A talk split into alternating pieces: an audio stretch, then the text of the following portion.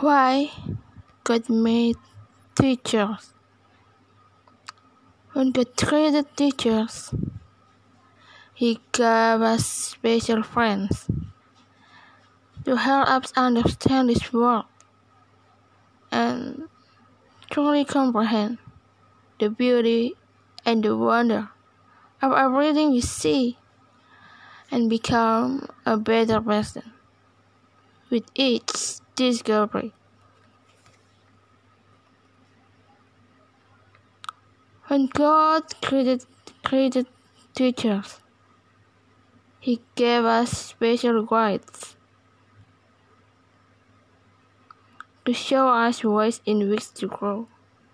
So, we can all decide how to live and how to do what's right instead of wrong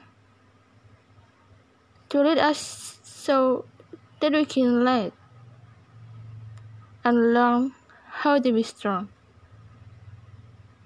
Why God created teachers in His wisdom and grace was to help us learn to make our world a better, wiser place.